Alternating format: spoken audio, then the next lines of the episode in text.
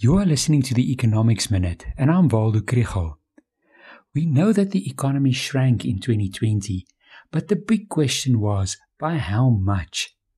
The fourth quarter's GDP figures were released yesterday, and we now know what economic damage the pandemic and the lockdown has caused.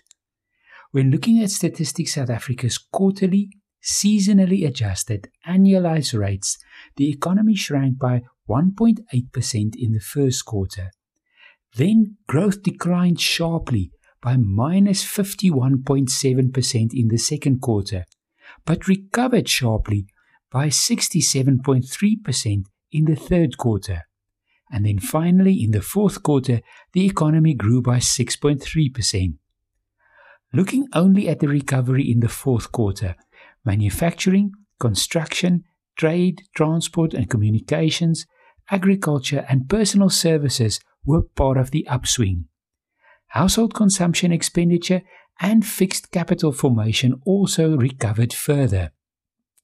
Before December's second wave of coronavirus infections and the tightening of restrictions, people again spent money on restaurants and hotels, clothing, and furniture.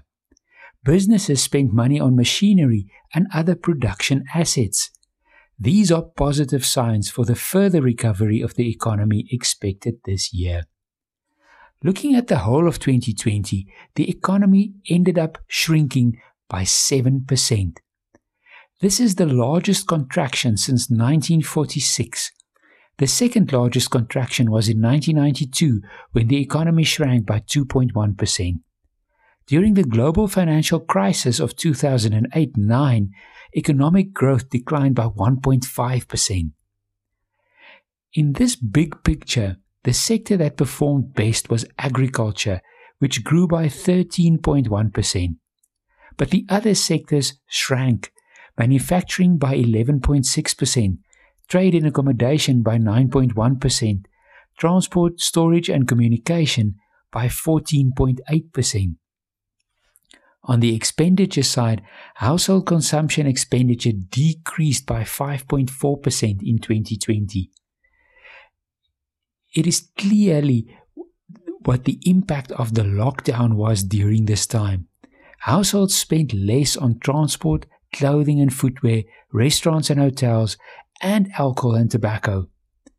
Gross fixed capital formation decreased by 17.5% last year. Exports and the government did make small contributions to the fact that the economy did not shrink by as much as expected. So, what does it all mean? GDP is now 100 billion rand smaller than it was in 2019.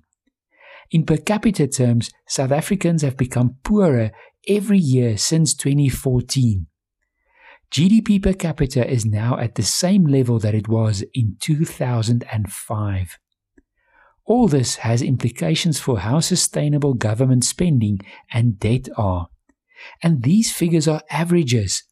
When things go badly with the economy, not everybody is hit equally hard. Our country is characterized by inequality, and the poor have really borne the burden of the pandemic. This, in turn, has implications for how sustainable our politics and our social compacts with one another are.